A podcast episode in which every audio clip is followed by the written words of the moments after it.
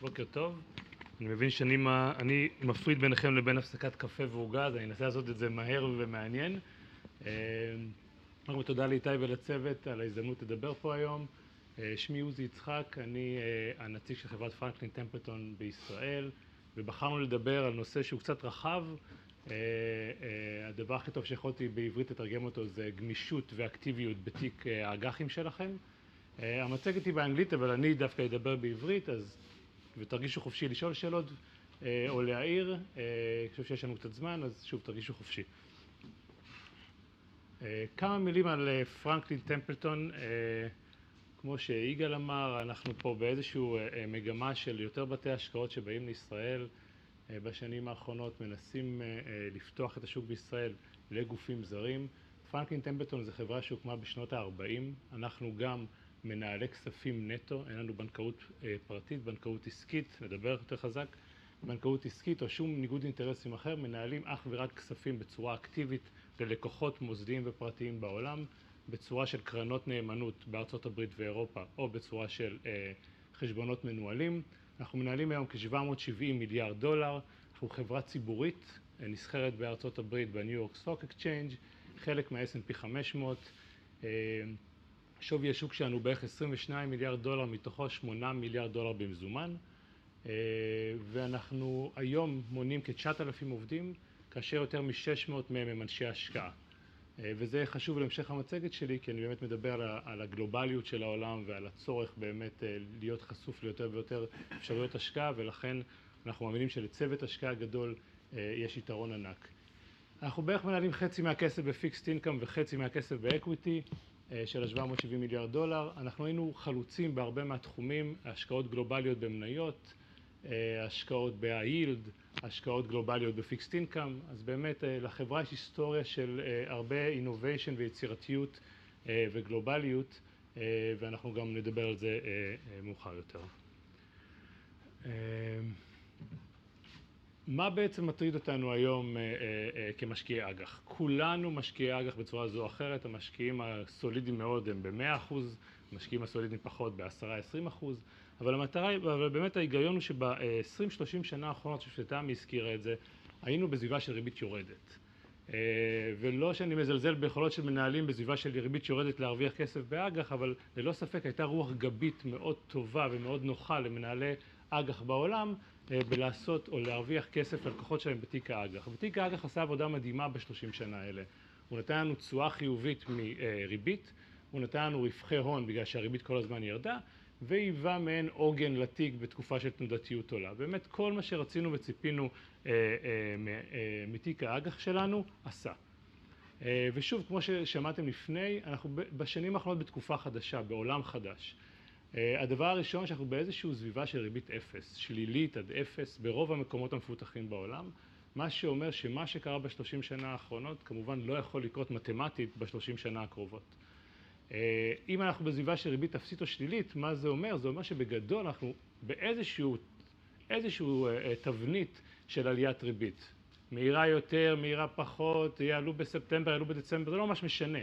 אבל הרעיון הוא שאנחנו נלך לאיזושהי נורמליזציה כלשהי בריביות, מה שאומר שוב, לא רק שאנחנו לא יכולים לצפות לרווחי הון מהחזקות האג"ח שלנו, אלא להפך, אנחנו כנראה נראה הפסדי הון משמעותיים בתיק האג"ח שלנו, אם נשאיר אותו כמו שהוא. דבר נוסף שקורה on and off, שוב, זה נושא של הנזילות העצומה שיש בעולם היום, גורמת להרבה נכסי סיכון לעלות במחיר. חלק מנכסי הסיכון האלה זה באמת מה שנקרא סיכון אשראי, ה-yield, leverage loans, investment grade, אז יש שם גם איזשהו, שם זה יותר תנודתי, אבל איזשהו צמצום של רווחי או מרווחי האשראי. ודבר אחרון שקורה בעולם בשנים, בשנתיים האחרונות, שהוא קצת יותר טכני, זה שהרבה שחקנים שהיו קונים טבעיים של אג"חים, במיוחד של אג"ח ממשלת הברית, יוצאים מהתמונה. השחקן הכי גדול זה הבנק הפדרלי בארצות הברית, שברגע שהוא הפסיק עם ההקלה הכמותית, בעצם הוצאנו משחקן מאוד גדול בביקוש לאג"חים האלה. שחקן שני זה סין, שהייתה קונה מאוד גדולה של אג"חים של ממשלת הברית לבנות רזרבות, והשחקן השלישי זה מדינות שמייצאות נפט, שגם הם השתמשו בתקבולים של הנפט על מנת לקנות אג"ח ולבנות רזרבות. שלושת השחקנים הגדולים האלה בצד של הביקוש נעלמו מהשוק. אז אם אנחנו מאמינים שיש איזושהי נורמליזציה בכלכלה, איזשהו מצב יחסית סביר, שהעולם לא הולך למיתון עולמי גלובלי והוא ידחוף לבדו את הריביות למעלה, תוסיפו לזה את העובדה שיש פחות ביקוש משחקנים בעבר, מה שיכול אפילו אולי להאיץ בצורה זו או אחרת את הבעייתיות של הריביות בעולם. אז כמו שאמרתי, בעצם היום אנחנו נמצאים בעולם שונה ממה שראינו בשלושים שנה האחרונות. אני עושה הכללה כלשהי, אבל רוב תיקי האג"ח נוהלו בצורה די די די פשטנית בואו נקרא לזה. הם היו סביב איזשהו מדד, אינדקס, בדרך כלל אינדקס מקומי, שהיה בעיקרו אג"ח ממשלתיות עם קצת אג"ח חברות. בעיקר משקיעי אג"ח הסתכלו על השוק המקומי שלהם, היה להם נוח, הם עדיין קיבלו ריבית סבירה ברוב המקומות בעולם ולכן הם באמת הסתכלו רק על העולם שלהם או על המדינה שלהם. ודבר שלישי, רובם הרגישו בנוח באיזשהו מח"מ או אורח חיים ממוצע של תיק של ארבע עד שש שנים. ושוב, כמו שאמרתי, זה עבד מדהים, זה עבד טוב, זה עבד נכון ב-20-30 שנה האחרונות, אבל אנחנו לא חושבים שזה ימשיך לעבוד הלאה מהסיבות שציינתי קודם. מה זה מצריך מאיתנו? זה בעצם מצריך מאיתנו איזושהי חשיבה מחודשת על איך לנהל תיק אג"ח. או מה הדברים, או איך האלמנטים צריכים להשתנות בגישה שלנו לניהול תיק אג"ח בעולם. הדבר הראשון והכי חשוב, אנחנו צריכים להיות גמישים ואקטיביים. הנוחות הזאת של בעבר לקנות אג"ח ולשבת עליו לפדיון, כנראה כבר אין לנו את הלוקסוס הזה, לא כמנהלי השקעות ולא כמשקיעים. אנחנו נצטרך להיות אקטיביים יותר, לנוע בין אפיקי השקעה בתוך תחום האג"ח ולהיות מוכנים להיות גמישים בצורת או באפיקי השקעה שאנחנו בהם מוכנים להשקיע. אנחנו חייבים להיות הרבה יותר גלובליים. אני אראה עוד מעט את האפשרויות שהעולם מציע לנו. ההתמקדות בשוק המקומי שלנו, במיוחד בעולם המפותח, היא מאוד בעייתית בסביבת ריבית הזאת, לכן אנחנו חייבים להיות פתוחים להשקעות גלובליות יותר במדינות שאולי בעבר לא היינו שוקלים להשקיע בהן. אנחנו חייבים להיות גמישים בכל מה שקשור למח"מ. אנחנו לא יכולים לשבת בריבית של אפס על מח"מ גבוה. הסיכון של הפסד הוני מלעשות כזה דבר הוא עצום לעומת כל תנודתיות אחרת שאתם יכולים לקבל בתיק. אז שוב, באמת מערך הסיכונים שלנו השתנה בצורה מהותית. והדבר האחרון, אנחנו צריכים לחשוב על עוד מקורות הכנסה למעט הריבית שקיבלנו בעבר מהאג"ח. זה יכול להיות חשיפה מטבעית, זה יכול להיות חשיפת אשראי, אבל ריבית לבד כבר לא תעשה את העבודה כמו שהבנו. על מה שאנחנו מדברים בפרנקלין טמפלטון בגמישות האקטיבית הזאת זה שלושה Cים, זה יחסית קל לזכור, זה Curve, Currency ו-Credit. בעצם אנחנו באים ואומרים, תנו למנהל האג"ח שלכם Toolbox, ארגז כלים גדול יותר. תנו לו ארגז כלים שהוא יוכל לעבוד איתו ולהרוויח לכם כסף בעולם הזה של ריבית אפס. כדי לעשות את זה אתם צריכים לתת לו מרחב פעולה בשלושה תחומים. בתחום של המח"מ, בתחום של החשיפה המטבעית ובתחום של סיכוני האשראי. כי אלה באמת שלושת הצירים שעליהם מנהל אג"ח טוב יכול להוסיף ערך. הוא יכול לזוז במח"מ על פי דעתו, הוא יכול להיות בחשיפה מטבעית נכונה לשווקים הנכונים והוא יכול לקחת סיכוני אשראי בתחומים, באפיקים שהוא חושב שהם נכונים. אם תיתנו את הדבר הזה למנהל התיק האג"ח שלכם, הוא יהיה לו יותר אפשרויות להוסיף לכם ערך בסביבה של היום. זה איזשהו גרף שמתאר איזשהו מעגליות עסקית נורמלית של מדינה. מה שאני מנסה להראות פה זה בעצם איפה הייתי רוצה להיות במעגליות העסקית הזאת בכל מקום בזמן בשלושת השיאים האלה. אז במצב שהכלכלה שלנו צומחת ועושה מצוין, הייתי רוצה להיות במח"מ קצר, כאשר ההיגיון אומר שהצמיחה הכלכלית הטובה תוביל לאיזושהי אינפלציה, שתוביל כנראה לאיזושהי העלאת ריבית, ולאור זאת אני לא רוצה להיות חשוף יותר מדי לתקופות ארוכות, לכן אם הייתי יכול הייתי במח"מ קצר. באותה נשימה הייתי רוצה להיות חשוף למטבע של המדינה הזאת שצומחת חזק, כי כנראה היא תגרום לכך שיהיה הרבה זרימת הון מהעולם לתוכה ליהנות מהצמיחה הזאת, לכן המטבע כנראה יתחזק, הייתי שמח להחזיק את המטבע של מדינה כזאת, וגם הייתי מאוד שמח להחזיק את האשראי או את הסיכון אשראי של כזאת מדינה או של חברות במדינה. מאותה סיבה, יש צמיחה, חברות עושות טוב, הרווחים עולים, יש יכולת גדולה יותר לשרת את החוב, לכן הסיכוי שיהיה דיפולט או פשיטות רגל נמוכה יותר. כאשר המדינה הזאת עוברת לאיזשהו מיתון או האטה כלכלית, אנחנו בעצם בתמונת ראי. הייתי שמח להאריך את המח"מ כמה שיותר, בגלל שאני צופה שהריביות ירדו עקב ההאטה הכלכלית. לא הייתי רוצה להיות במטבע כי כנראה יהיו יציאות הוניות, משקיעים זרים ימשכו את הכסף שלהם מהמדינה, ולא הייתי רוצה להיות בסיכון אשראי גבוה מדי בגלל שכנראה חברות והמדינה יהיה להם קשה יותר לשרת את החוב שלהם ויש סיכוי רב יותר לפשיטות רגל. שוב בצורה פשטנית איפה הייתי רוצה להיות על כל אחד, בכל אחד מהשלושת ה-C'ים האלה במקום נורמלי. עכשיו תחשבו שיש לי, עד היום נתנו למנהל ההשקעות האג"ח שלנו לעשות את זה במוגבלות גבוהה, לא נתנו לו יותר מדי אפשרות לשחק עם המח"מ, מטבע אמרנו לו לא, אתה עושה את זה רק בישראל או רק בארצות הברית או כל מה שזה לא יהיה, וגם בסיכון האשראי אמרנו לו תהיה בעיקר באג"ח מדינה. בעצם אנחנו די קשרנו לו את הידיים. זה לא היה דרמטי, בגלל שכמו שאמרתי היינו בסביבה של ריבית יורדת, אבל זה הולך להיות דרמטי. מה שאנחנו מראים פה זה דוגמה מוחשית של אחת מהקרנות שאנחנו מנהלים, שזה Templeton Global Bond Fund, היא השקיעה בעשר שנים האחרונות בחמישים מדינות. אז אם תיקחו את השלוש C האלה, תכפילו אותם בחמישים אפשרויות השקעה, בעצם פתחתם, שוב, ארגז הכלים של מנהל האג"ח שלנו הוא במקום אחר לגמרי, פתאום יש לו מטריצה עצומה לשחק בה. הוא יכול להיות בשקל שהוא רוצה, הוא יכול להיות שורט מדינות אחרות, הוא יכול להחזיק את הדולר, הוא יכול לא להיות בדולר, ובעצם ברגע שפתחתי לו את העולם, נתתי לו אפשרות משחק גדולה יותר, יש לו כנראה אפשרות משמעותית טובה יותר להוסיף לי ערך בתיק האג"ח. משהו שעוד רציתי להראות פה זה הבעיה שרק לצאת למדד או אינדקס גלובלי לא עושה את כל העבודה, כי לדוגמה אחד המדדים היותר השימושיים בעולם בתחום האג"ח, כמו שאנחנו רואים, כולל רק 13 מדינות, לא 50, וגם הוא, 90 אחוז ממנו זה בעצם ארצות הברית, יפן ואירופה. לא בדיוק המקומות שהיינו רוצים להיות בהם בתחום האג"ח עכשיו. אז חשוב לצאת, להיות גלובלי, אבל במידה רבה רק לצאת לאינטקס גלובלי כנראה לא יעשה את העבודה שאנחנו רוצים, אלא אנחנו צריכים להיות הרבה יותר פתוחים לדברים חדשים. קצת בנוגע להזדמנויות, מטריד או לא מטריד, כמות החוב בעולם גדלה באופן משמעותי בשנים האחרונות. הכחול הגדול זה מדינות ה-G3, כמו שאנחנו רואים הרבה מהחוב שם אנחנו יודעים, הרבה הקלה כמותית, הרבה מימון דפיסיטס גדולים במדינות האלה. הקו הירוק זה מדינות מפותחות שהן לא מה-G3 והתכלת זה מדינות מתפתחות. מה שאני מנסה להראות פה שבאמת למנהל אג"ח גלובלי יש סט הזדמנויות עצום, גם בכסף וגם באפשרויות השקעה, גם אג"ח חברות מוזכר פה וגם אג"ח מדינה, זאת אומרת שוב, ארגז הכלים שלו גדל, יש לנו הרבה הזדמנויות השקעה בעולם. לציין כמה מהן. מה? מי יחזיר את החוב? זו שאלה טובה. זה בפרק הבא. קצת הזדמנויות לסבר את האוזן. פה מה שאנחנו מראים זה בעצם התשואה במטבע מקומי לשנתיים בירוק ולעשר שנים בכחול של מדינות נבחרות בעולם.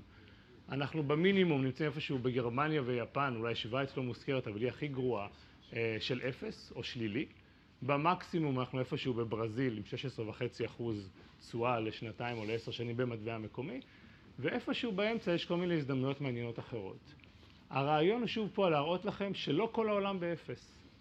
העולם שאנחנו מכירים, המפותח הוא באפס, שאנחנו מרגישים איתו אולי בנוח, מי יחזיר את החוב שם, שאלה מצוינת בעולם הזה. אבל דווקא במקומות שהם אולי יכולים להיות מעניינים יותר, בגלל דינמיקות, בגלל אוכלוסייה צעירה יותר, בגלל צמיחה כלכלית חזקה יותר, דווקא הם אולי יכולים להיות המקומות שבהם נוכל למצוא עניין, ערך ותשואה. אבל שוב, זו דוגמה לכך שברגע שאתה פותח את היריעה ונותן הזדמנויות גדולות יותר, יש הזדמנויות בעולם. צריך לנתח אותן ולקחת איזשהו view עליהם, אבל יש.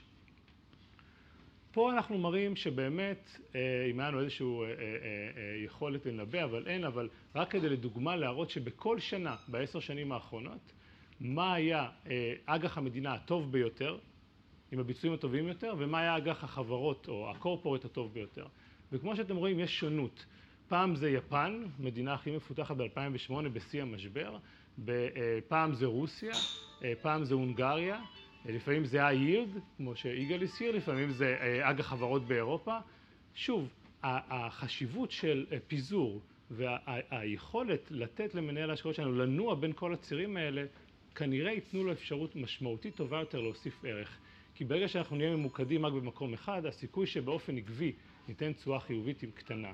כמו שאתם רואים, ברגע שאנחנו נותנים אפשרות גדולה יותר לצוות ההשקעות, הוא יכול לנוע כל הזמן בין מדינות, בין אג"ח חברות, ולהיות לפחות פוטנציאלית מסוגל להוסיף את התשואה הזאת לתיק שלנו. דוגמה חיה, על מה אני מדבר, איך זה בא לידי ביטוי בסוף היום בתיק ההשקעות שלנו. זו דוגמה שוב של אותה קרן שציינתי מקודם, אג"ח גלובלי שלנו שגם מותר להשקיע באג"ח חברות. הקו הירוק זה המח"מ של הקרן על הציר הימני, הברים הכחולים זה התשואה הפנימית לפדיון, הפנימית אני מדגיש. מה אנחנו רואים פה? ביטוי למה שציינתי מקודם, גמישות ואקטיביות. בשיא המשבר למנהל היה נוח להיות במח"מים גבוהים, הריביות ירדו, התשואות שהיית יכול לקבל במקומות כמו אירופה, ארה"ב היו סבירות כי הריבית ירדה באופן משמעותי. ברגע שהתחלנו לצאת מהמשבר הזה באופן עקבי המנהל הוריד מח"מ בתיק שלו, זה לא היה מדהים כי כמו שאנחנו יודעים התיק המשיך, האג"חים הארוכים המשיכו להניב תוצאות לא רעות, אבל כתפיסת עולם הוא הרגיש שככל שעובר הזמן אנחנו מתקרבים לרמות ריבית שאין הצדקה להיות במח"מ גבוה והסיכון מלהיות במח"מ גבוה, הסיכון ריבית שאנחנו לוקחים בתיק משמעותי הרבה יותר מאשר כל סיכון אחר שאנחנו יכולים לקחת והקטין את המח"מ עד לאפס היום. זאת אומרת היום תיק ההשקעות הזה או קרן הזאת נמצאת באפס duration, יש לה אפס חשיפה לריבית. אך באותו זמן הוא הצליח לשמר על תשואה פנימית מאוד גבוהה של חמש עד שבע אחוז כל התקופה הזאת ובעצם הוא עשה תחלופה, הוא החליף את סיכון הריבית בסיכון מטבעי וסיכון אשראי. הוא בא בגישה שלו, שוב צריכים להאמין בה, הגישה שלו באה ואומרת אני לא רוצה לקחת סיכון ריבית, אני מעדיף לקחת סיכון אשראי וסיכון מטבע ולתת תשואה פנימית של שישה שבעה אחוז על ידי הסיכונים האלה מאשר את הסיכון של מח"מ. אתם יכולים להסכים או לא להסכים אבל הרעיון הוא להדגיש את הגמישות והאקטיביות של מנהל ואת היכולת שלו כל הזמן לנוע בין שלושת הצירים האלה, שלושת השיאים האלה על מנת להוסיף ערך. דומה אבל קצת שונה, פה אני מראה את ה... כמו שראינו מקודם, את המח"מ בתיק שהיה בשיא מעל המדדים והיום הוא נמצא באפס ומה שרציתי להראות פה באמת זה את הנושא של מה קורה למדדי אג"ח שלנו בשנים האחרונות. בגלל שחברות מנפיקות ומדינות אג"חים ארוכים יותר בריבית נמוכה יותר נוצר בעצם אפקט שבו רוב מדדי אג"ח המח"מ שלהם עולה דווקא עם השנים כמובן בגלל שהריבית קטנה והאג"ח ארוך יותר והתשואה הפנימית שלהם קטנה. אז היום הפער הזה הוא עצום, פעם היינו מעל המדד, היום אני מתחת למדד במח"מ ועדיין משיג תשואה של שישה אחוז כמעט מעל התשואה הפנימית של המדד, שוב על ידי סיכונים או לקיחת פוזיציות מטבעיות ואשראיות. אבל מה שאני מנסה להראות פה שוב שמדד לבד לא יוכל לעשות את העבודה כי במקרה הזה המדד אפילו מעצים את הבעייתיות של מח"מ ותשואה פנימית נמוכה. מח"מ זה אורח החיים, אורח החיים. כשאתה מראה פה אחוזים על מה הבסיס, הדולר כאן? תשואה, יש חשיפה מטבעית, זה בהנחה שמטבעות מול הדולר לא יזוזו. השישה אחוז הם בהנחה שהמטבעות שלהם אני חשוף אל מול הדולר לא ינועו, אלא ישלמו, כמו שאמרתי, התשואה היא, המח"מ הוא אפסי בגלל שיש לנו אג"חים לשנתיים בחלק מהמדינות שנותנות תשואה גבוהה לעומת אפס במקומות כמו יפן ואירופה, אפילו שורט על היורו ועל היין, אני אדבר על זה עוד רגע ובעצם השילוב הזה כתיק נותן לי תשואה גבוהה במח"מ אפס. יש לכם, אבל אתם לא נכנסים לסחורות? פעם זה היה היילייט. סחורות? כן. לא ישירות, אנחנו משקיעים רק באג"ח של מדינות או חברות, שום דבר לא ישירות בסחורות. סליחה רגע? בטח. שהראית קודם, התעלמת מהפיחותים נניח של... נכון, או האיסופים, או האיסופים, ללא ספק. זה התשואה הפנימית של האג"חים שאני מחזיק בתיק. זאת אומרת אם אני מחזיק אג"ח של מקסיקו לשלוש שנים, רוסיה אין לנו, אין לנו רוסיה, כן אין לנו רוסיה, אבל לא חשוב, לצורך העניין אם אני מחזיק אג"ח של מקסיקו במטבע מקומי שנותן לי ארבע אחוז, אז זה בא לידי ביטוי פה. קצת על מה, איך זה בא לידי ביטוי ומה באמת התיק הזה יכול לעשות בפועל בסביבה של ריבית עולה, כי בסוף היום אני חושב שזה הפחד הגדול שלנו כמשקיעי אג"ח.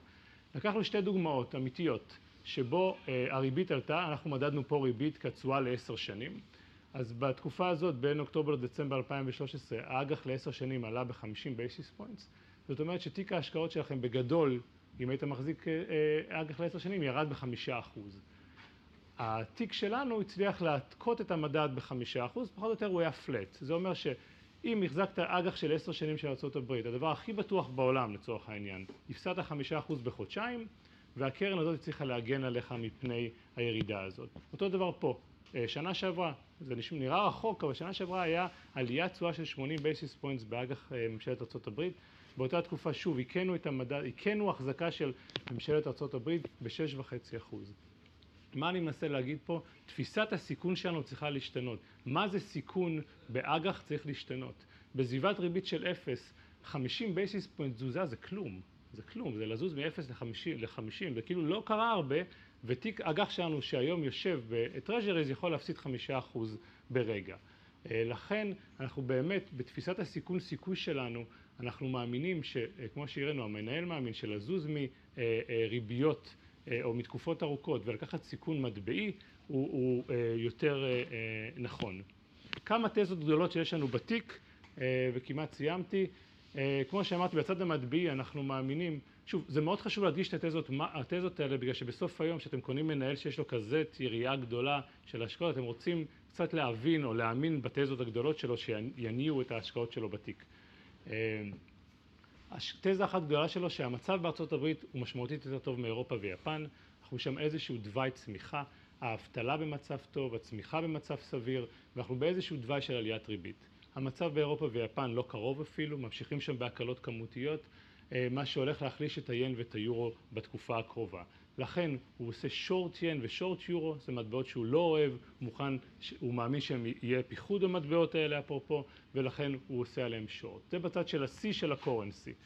בשיא של הקרב כדוגמה, אה, ציינתי את זה כמה פעמים, הוא מאמין שאנחנו באיזשהו תוואי של עליית ריבית בארצות הברית, לכן הוא במח"מ אפס בתיק ואפילו מח"מ שלילי בארצות הברית. הווה אומר שהוא אפילו עושה שורט, או שהוא מאמין, הוא, או, או, או, או משקיע כנגד האג"חים של ארצות הברית. הוא מאמין שהריביות שם יעלו והמחיר שלהם ירד. זה בצד של ה-curve.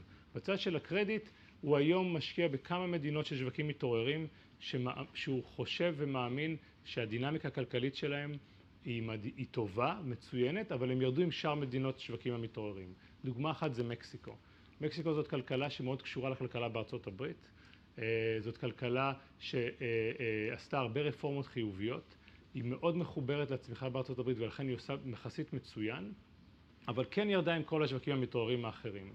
היא לא יצואנית נפט גדולה, כמעט בכלל, אבל עדיין נתפסת ככזאת, ולכן הירידה בנפט והירידה בשווקים מתעוררים גרמו אה, למטבע המקומי להיות ברמות שלא נראו מעל 20 שנה. אז הוא נותן, זו דוגמה אחת לסיכון, בוא נקרא לזה, שהוא מוכן לקחת, כי הוא חושב שהדינמיקה, כמו שהראיתי מקודם, הגרף הזה של מקסיקו, הוא רוצה להיות לשחק בגרף הזה במקומות האלה. שוב, אלו רק דוגמאות, יש כמובן הרבה תזות נוספות בתיק. עכשיו, איך עושים את כל זה? זה, כמו שאמרתי, אתה פותח את העולם, 50-100 מדינות, אה, גם מטבע, גם אה, ריבית, אה, גם אשראי, אתה צריך צוות גדול וחשיפה גלובלית לעשות את זה. במקרה שלנו יש לנו יותר מ-170 מנהלי השקעות בתחום הפיקסט אינקאם בלבד, והם פזורים פיזית ב-14 מדינות בעולם. לנו יש עולם של לנהל כסף גלובלי, אבל להיות מקומי. אז יש לנו בעצם אנשים ב-14 מדינות פיזית, אה, באסיה, באפריקה, בדרום אמריקה, שנותנים לנו את ה insight ואת התובנה המקומית, את הניתוח המקומי של הניירות הבודדים, וזה מושלם על ידי ראייה מקרואיסטית אה, שנעשית אה, על ידי החברה. ושוב, השילוב הזה של גלובליות עם מקומיות וצוות השקעה מאוד גדול מאפשר בעצם את הפתיחת יריעה הזאת והשקעה באג"ח גלובלי בכל המקומות. זה בגדול מה שלי היה להגיד, אותו דיסקלמר שנאמר מקודם, אני, אסור לנו לקדם פה אף קרן ומה שהראיתי פה זה לדוגמה בלבד. אני חושב שמה שאנחנו רוצים להשאיר אתכם זה עם הרעיון שתיק האג"ח שלנו צריך חשיבה מחודשת. אתם יכולים לראות אותו לכיוונים של ראייה גלובלית, של ראייה של אסט קלאסס מסוימים בתוכו, אבל הוא מצריך חשיבה חדשה. הוא מצריך אה, אה, יכולות חדשות והוא מצריך באמת מנהלים גלובליים שמסוגלים לבצע את הדברים האלה על מנת להוסיף ערך. מה תעשו אם סין תתחיל למכור קצת... אגב, מצוין לנו, אנחנו נשמח אם היא תעשה את זה. כן. אנחנו, כמו שאמרתי, אנחנו מהמרים שהאג"ח בארצות הברית ירד. המחיר שלו ירד והתשואה שלו תעלה. איזה אה, עמלות אתם? זה תלוי בקרן, איתי והצוות שלו יגידו לכם, אבל זה, זה קרנות יומיות, הן נסחרות בלוקסנבורג תחת רגולציה אירופאית, אה, נזילות יומית, הדמי ניהול הם בערך 0.7-0.8, תלוי בקרן, תלוי באסט קלאס, זה פחות או יותר הרמות. מה הבטוחות שיש בקרן? בטוחות כגון שהכסף חוזר אליו. אה, אתה לא קונה פה אג"ח בודד, אתה קונה בו קרן. אז אה, כמו שיש לך אה, אה, בכל קרן אחרת, יש אה, נאמן ויש אה, תהליך מאוד מוסדר של איפה הנכסים יושבים, לא אצלי אלא אצל הנאמן. אין לך הגנה אם אה, מחר מקסיקו תפשוט את הרגל ואני אפסיד עשרה אחוז, אף אחד לא יתך בטוחה כזאת, אבל לא, בטוחה ברמת אני שואל הנכסים. הקרן. לא, זה לא יקרה כי הכסף לא נמצא אצלנו. אנחנו, הכסף נמצא אצל נאמן, כמו כמעט בכל מבנה של קרן. בקרנות בדרך כלל הכסף לא נמצא אצל מנהל הקרן, אתה לא נותן את זה לי לנהל, אלא הקרן, הכסף עדיין נמצא אצל נאמן על שמך, ולי זכות לפעול בחשבון, לא זכות למשוך כסף אליי לחשבון. אז אם אני עושה השקעות גרועות, אתה תיפגע מזה, אבל אני לא יכול למעול בקרן. אם זאת... הכסף יושב פיזית בלוקסמבורג במבנה שציינת? הכסף יושב ב-JP מורגן כנאמן של הקרנות הללו, בדיוק, ואני פועל בחשבון. וכל בעלי המניות ב- אה, בקרנות הם בעלי הנכסים בסוף היום. תיאורטית אתה יכול גם להדיח אותי כמנהל הקרן ולקחת מישהו אחר, תיאורטית, כאילו, משפטית. והחוקים שחלים זה חוקי המקום שבו אתם פועלים, לוקסמבורג לצורך העניין? באיזה מובן? מה, פשיטת רגל וכאלה? אני מניח שכן, כן, כן. שוב, לוקסמבורג, רק כדי לסבר את האוזן, הרגולטור בישראל אישר הפצה של קרנות זרות בישראל, והוא אישר בעצם שתי, אה, הוא אישר קרנות שרשומות בלוקסמבורג או בארצות הברית כקרנות שכאלה אפשר לשווק בישראל. זאת אומרת, החוק בלוקסמבורג והחוק בארצות הברית הם ברמה טובה בעיני הרגולטור בישראל ככאלה שאפשר לשווק קרנות ישראליות. זאת אומרת, זה לא קרן קיימנית או משהו כזה, אם זאת השאלה, כן. לא בחרנו את לוקסמבורג כי זה מקלט מס או משהו כזה, או שקל יותר שם, זה לא...